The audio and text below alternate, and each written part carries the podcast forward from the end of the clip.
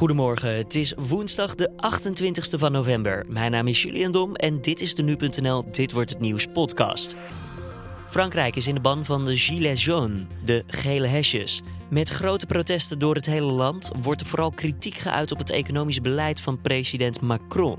En dan is het een, uh, ook een, een klassieke Franse reactie om op deze manier uh, de strijd aan te binden met, uh, met de regering en met de overheid. En prinses Beatrix komt vanavond aan op Bonaire. Het is toch alweer vijf jaar geleden sinds de troonwisseling en nog altijd lijkt de prinses niet aan pensioneren te denken. Daarover straks meer. Eerst het belangrijkste nieuws van nu. Het kabinet moet onderzoeken of de AOW-leeftijd gelijk zou moeten stijgen met de levensverwachting vanaf 2022. Daarover zijn coalitiepartijen CDA, VVD, D66 en ChristenUnie samen met de oppositiepartijen GroenLinks, PvdA en de SGP het eens geworden tijdens het debat over het mislukte pensioenakkoord. In het verleden is afgesproken om de AOW-leeftijd te verhogen naar 67 jaar en daarna één op één te koppelen aan de levensverwachting. De partijen zetten nu echter vraagtekens bij die koppeling. Lobbyisten van de medische hulpmiddelenindustrie houden strenge regels voor implantaten tegen, dat schrijft Trouw. Lobbyisten zouden gebruik maken van misleidende claims en valse video's om maatregelen te voorkomen. Al tweemaal eerder stranden pogingen om nieuwe Europese veiligheidsregels op te stellen voor implantaten op de lobby van de medische hulpmiddelenindustrie. Manfred de Graaf, beter bekend als dokter Hans Landsberg uit de comedyserie Zeg eens A, is dinsdag overleden in zijn woonplaats Warmond.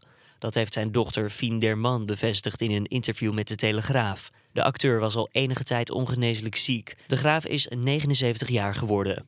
De Amerikaanse president Donald Trump overweegt zijn ontmoeting met zijn Russische ambtgenoot Vladimir Poetin af te blazen. Dat vanwege de opgeleide spanningen tussen Rusland en Oekraïne. Trump en Poetin zouden elkaar in Buenos Aires spreken rond de G20-top, die vrijdag en zaterdag plaatsvindt in de stad. De Amerikaanse president wil nu echter eerst een rapport afwachten over het meest recente conflict tussen de beide landen. En Ajax heeft zich dinsdag voor het eerst in 13 jaar verzekerd van overwintering in de Champions League. De Amsterdammers wonnen in Griekenland met 0-2 bij AEK Athene en zijn daardoor minimaal van de tweede plaats verzekerd in de groep. De laatste keer dat Ajax de groepsfase van de Champions League overleefde was in het seizoen 2005-2006. De formatie ging direct daarna ten onder tegen internationale. En dan kijken we naar de interviews van vandaag, oftewel dit wordt het nieuws. Frankrijk is in de ban van de Gilets jaunes, de gele hesjes. Het zijn honderdduizenden demonstranten die protesteren tegen onder meer stijgende brandstofprijzen. En die woede die richt zich dan met name op het economisch beleid gevoerd door president Macron. We praten erover met Niek Bas, Frankrijk-deskundige en universitair docent bij de Universiteit van Amsterdam. Want hervormingen, hogere belastingen, immense protesten. Meneer Pas, is dit tot nu toe het dieptepunt van de populariteit van Macron? Nou, het is weer een, een dieptepunt daarbij. Uh, hij is al niet populair de afgelopen maanden. en nou, dit is een, een deel van het Franse publiek dat zich nu laat horen, wat zich voorheen nog niet heeft laten horen. We hebben vorig jaar natuurlijk het protest gezien van uh, spoorwegmedewerkers, waar het ging om de hervormingen op het spoor. Uh, en uh, daarvoor de woede bij onder andere studenten en scholieren, waar het ging om die school, schoolhervormingen. ja, en dit, is, dit zijn de Fransen zoals het heet uit de voorsteden die zich laten horen. Hè? De lagere middenklasse, zoals ze worden, worden aangeduid. Ja. En die het, nou, die het die het steeds moeilijker hebben om uh, de spreekwoordelijke eindjes aan elkaar te knopen. Ja, Macron die weigert toe te geven. En wat kunnen we daaruit eigenlijk opmaken? Nou, dat is eigenlijk een klassieke uh, reflex. Dat, dat zie je wel vaker uh, bij dit soort conflicten. Um, hij wil graag in gesprek treden met de vertegenwoordigers van de gele hesjes. Wie, wie dat dan ook zijn, hè, want dat is een beetje onduidelijk. Zijn een aantal woordvoerders. Maar goed, uh, maar er zijn twee voorwaarden. Uh, hij wil dat die gele hesjes wel beter georganiseerd zijn. En dat er een einde komt aan die, uh, aan die demonstraties. dat zijn de voorwaarden waaronder hij als regeringsleider en staatschef met hen in gesprek wil gaan. Want hij wil dus um, wel praten. Dat is al belangrijk om te weten natuurlijk. Ja, dat heeft hij aangegeven. Ja, ja nee, zeker. maar dat is op, op, op de Franse manier. Hè? Dus met autoriteit uh, van bovenaf. Um, en uh, ja, een aantal voorwaarden die moeten wel eerst zijn ingewilligd. toen Macron verkozen werd, hè, toen stond hij voor vernieuwing, voor frisse wind eigenlijk in de Republiek. Dat was toch ook wat het Franse volk wilde. En nu wordt er dus geklaagd. En niet voor de eerste keer. Nee, dat klopt. Uh, ik, ik, denk ook wel dat dat uh, verwacht, te verwachten was. Ehm, kijk, Macron heeft vanaf het begin duidelijk gemaakt dat hij een hervormingsprogramma wil doorvoeren dat ook gepaard gaat met ja, sociaal-economische maatregelen. de Franse overheid moet afslanken, er zullen allerlei bezuinigingen moeten worden doorgevoerd. Tegelijkertijd moet Frankrijk gemoderniseerd worden. Ja, en dat kost A, tijd en B, dat, dat doet pijn. Um, ja, en dat is natuurlijk eh, de pijn die uh, verschillende sectoren op dit moment voelen. Uh, en dan is het een, uh, ook een, een, een, klassieke Franse reactie om op deze manier de strijd aan te binden met, met de regering en met de overheid. dat is dus niet eerst in overleg treden en kijken nou ja, op welke uh, dossiers en vlakken overheid en samenleving het eens kunnen worden. Nee, dat is eigenlijk meteen gewoon de, de barricades betrekken. Ja. Heeft de regering van Macron een lang genoeg adem om dit uit te houden? Nou, in principe wel. Kijk, Macron is verkozen voor een ambtstermijn van vijf jaar. hij heeft een, een in het parlement een absolute meerderheid. Het is zijn, zijn partij. Dus zolang daar, ja, daar niks verandert, is het moeilijk in te zien hoe, hoe hij ten val zou kunnen worden gebracht of de, de regering uit elkaar zou, zou vallen. Dus nee, hij heeft politiek gezien heeft hij, ja, heeft hij alle troeven in handen. Maar de oppositie zal natuurlijk ja. bloed ruiken. Ja, maar de oppositie is zeer verdeeld, versnipperd, gemarginaliseerd, likt nog steeds haar wonden na de verpletterende nederlaag in 2017. Uh, dus daar heeft hij op zich niet zo heel veel van te vrezen. En uh, deze, dit oproer hè, van die gele hesjes, nou, dat is natuurlijk heel vervelend voor hem. Kijk, maar zolang dit blijft wat het is, ehm, valt het op zich ook nog wel mee. Macron zal zich pas echt achter de oren gaan krabben op het moment dat er een veel breder maatschappelijk protest op gang komt. Dus waarbij bijvoorbeeld de gele hesjes en studenten en het spoorwegpersoneel in staking gaan of naar Parijs optrekken. Dan, dan uh, is ja, Leiden pas echt een last. Ja, want in deze vorm, Frankrijk kent natuurlijk een geschiedenis van grote protesten. U noemde er al een paar. Dus dit kan eigenlijk net zo hard weer overwaaien als dat het is komen aanwaaien. Ja, zeker. Uh, en daar mikt het uh, Elysée natuurlijk op. Hè? Dus uh, Macron en de regering. Um, het is een beetje een melkpannetje dat op het vuur staat en dat, ja, dat, dat pruttelt. En ze moeten dat vooral niet laten overkoken. En dat betekent dat dit protest niet moet overslaan naar andere sectoren. Dat is eigenlijk het, de belangrijkste boodschap voor, voor Macron. Um, en als hij daarin slaagt, dan, dan zie ik niet in hoe dit uh, ja, kan, kan voortduren. Hoe groot acht u die kans dat Macron dit onder controle houdt? Nou, ik denk dat die kans wel heel groot is. Uh, ten hoogte hebben we ook van andere sectoren, die zijn ook niet echt in beweging gekomen. Um, en uh, kijk, de, de, de kracht van de gele hesjes is tegelijkertijd de zwakte ervan. Het is een, een beweging die uh, van onderaf is opgekomen via social media. Uh, nou, en de kenmerk daarvan is dat het heel uh, hoog wordt uh, opgepookt, het vuur, maar dat het ook tegelijkertijd wel heel snel kan verdwijnen. En dit is duidelijk niet een protest dat meer gestructureerd is via de vakbonden of via politieke partijen. Nick Pas hoorde je, Frankrijk-deskundige en universitair docent bij de Universiteit van Amsterdam. Prinses Beatrix komt vanavond aan op Bonaire. Ze bezoekt het eiland de komende dagen op uitnodiging van Stichting Nationale Parken Bonaire. De prinses is inmiddels 80 jaar en verschijnt nog met enige regelmaat in het openbaar, terwijl het toch alweer vijf jaar geleden is sinds de troonwisseling. Aan de telefoon Justine Marcella, hoofdredacteur van het blad Forsten. En Justine, laten we maar eventjes meteen beginnen met de belangrijkste vraag, want is prinses Beatrix nou eigenlijk met pensioen gegaan naar die abdicatie of niet? Nou ja, ze kon eigenlijk al met pensioen voor die abdicatie. Hè. Ze, ze was natuurlijk al lang de 65 gepasseerd. Maar nee, ze is het wat rustiger aan gaan doen, maar ze doet, draait nog volop mee. Ze zei destijds in 2013, als je dat nog kan herinneren, ook van nou, dat ik me terugtrek, dat wil niet betekenen dat ik afscheid voor, uh, neem van u. Gesterkt voel ik mij door de gedachte dat het plaatsmaken voor mijn opvolger niet betekent dat ik afscheid neem van u. Ik hoop dat ik velen van u nog dikwijls kan ontmoeten. En dat is ze ook echt wel nagekomen. Ze is hartstikke actief deze maand al. Nou ja, als ze terug is uit Bonaire, staan er alweer twee andere afspraken in haar agenda. dus die agenda die wordt gewoon lekker doorgepland door de, uh, door de staf? Nou ja, uh, prinses Beatrix die, uh, is aanwezig bij de vergaderingen. Die zijn regelmatig op Paleis Noordeinde in de Poetikamer. Daar zit zij bij. Daar, komen, daar worden zeg maar alle uitnodigingen besproken. Alles wat op de agenda staat. Wie gaat wat doen.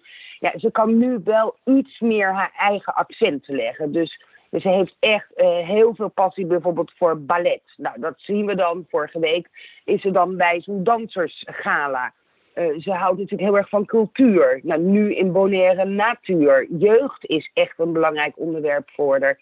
Dus je ziet dat ze echt dingen doet die dicht bij haar karakter liggen. En wat ook dicht bij haar ligt, in ieder geval wie haar graag mogen, de bewoners van Bonaire, van sowieso de Caribische eilanden. Ze is daar behoorlijk uh, een welkome gast, of niet? Ja, nou, ik, ik, ik, ben, ik ben er wel eens bij geweest natuurlijk uh, vanwege mijn werk ik, en de eerste keer dat ik het zag, wist ik niet wat ik zag. Ik zag allemaal dames bij een kapper staan, in lange rijen. Uh, en toen ik navraag deed, bleek dat die dames allemaal naar de kapper gingen. Want uh, Beatrix was op het eiland en dan moest je haar maar goed zien, zitten. Nou, ook wat je veel ziet, ze zijn hartstikke dol ook op koningin Maxima en koning Willem-Alexander. Daar niks aan af te doen.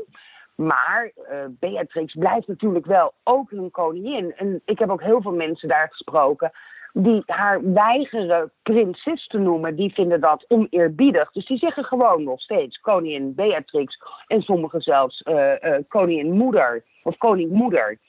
Uh, dus nee, ze, is daar, ze wordt daar echt op handen gedragen. Maar dat snap ik ook wel. Want prinses Beatrix was eigenlijk al, uh, ging al naar Bonaire voordat ze koningin werd. Dus voor haar eigen inhuldiging in 1980. En ze heeft echt met de bevolking meegeleefd in goede tijden, maar zeker ook in slechte tijden. En dat geldt niet alleen voor Bonaire, maar voor de hele Cariben. Het is inspirerend zich bij mensen betrokken te voelen.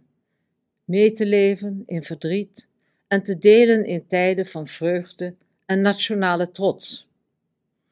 Dat heb ik eveneens mogen ervaren in de Caribische delen van het koninkrijk, waar ik ook altijd veel warmte en hartelijkheid heb ondervonden. Sint Maarten is er een orkaan. Uh, prinses Beatrix staat daar. Nou, iedereen weet nog wel het beroemde fragment dat ze werd geraakt door een golf. Uh, maar ze is er wel. Ze gaat echt op met de bevolking in, in goede en slechte tijden.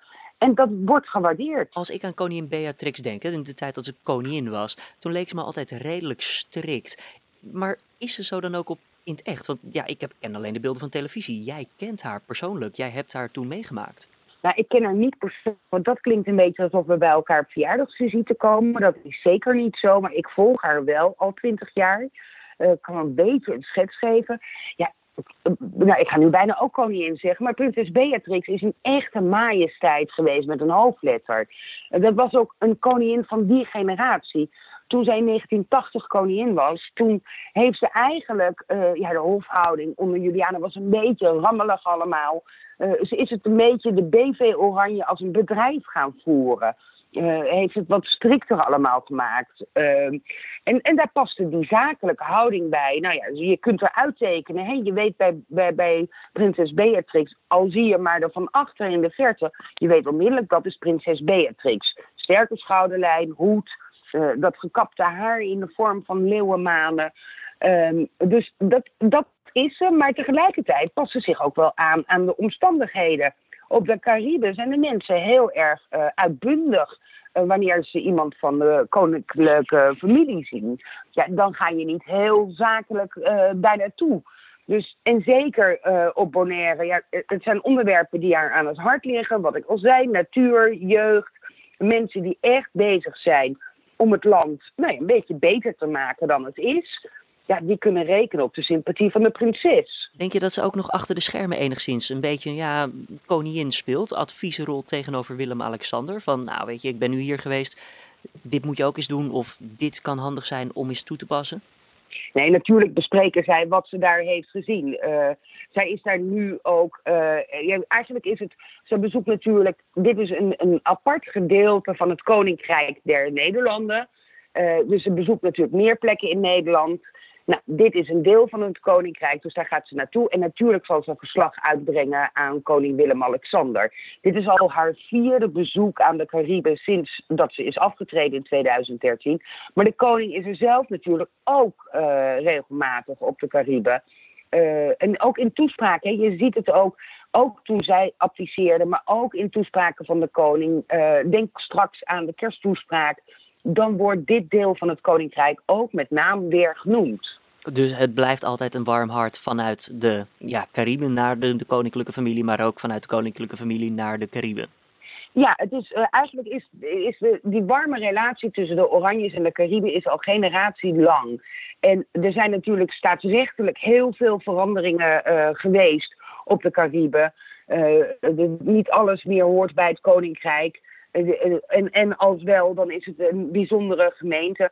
Maar dat doet niet af aan, uh, aan de gevoelens die wederzijds voor elkaar er zijn. Dankjewel Justine Marcella, vriend van de show kunnen we wel zeggen hier bij nu.nl en hoofdredacteur van het blad Forsten. Verder speelt PSV vanavond zijn vijfde groepsduel in de Champions League. Er wordt gespeeld tegen FC Barcelona. De Eindhovenaren zijn al uitgeschakeld voor de knock-outfase in het miljoenenbal, maar Europees overwinteren is nog altijd mogelijk. De Catalanen zijn wel al zeker van overwintering in de Champions League. Om 9 uur vanavond wordt er afgetrapt in het Philipsstadion. Dan nog eventjes het weer van deze woensdag. Het wordt vooral een natte dag. Op steeds meer plekken zal je te maken hebben met regen vandaag. De temperatuur loopt iets op van zo'n 5 graden deze ochtend tot 10 graden halverwege de avond. Verder waait er een matige en aan zee soms krachtige wind vanuit het zuid tot zuidoosten. En dan triest nieuws voor fans van SpongeBob SquarePants. De bedenker van de populaire animatieserie, Steven Hillenburg, is namelijk maandag overleden aan de gevolgen van ALS. Hillenburg wordt door Nickelodeon, de zender die de serie uitzendt, geroemd om zijn unieke gevoel voor humor en onschuld die hij heeft doorgegeven aan kinderen en families over de hele wereld. I realize there's a lot of young people on the go these days. They don't have time to sit down and eat. They're too busy out on the open road, living their dreams. I used to have a dream. Yeah. I used to have a kidney stone. Everything passes eventually. Vorig jaar maart maakte Hillenburg bekend te lijden aan de spierziekte ALS. Hillenburg is 57 jaar oud geworden. Dit was dan de Dit Wordt Het Nieuws podcast van deze woensdag 28 november. Je vindt de podcast zoals gewoonlijk elke maandag tot en met vrijdag om 6 uur ochtends op de voorpagina van nu.nl. Wat vond je ervan? Laat het ons weten via podcast.nu.nl of laat even een reactie achter in je eigen favoriete podcast app. Mijn naam is Julian Dom. Voor nu een hele goede woensdag gewenst. En hopelijk tot morgen weer.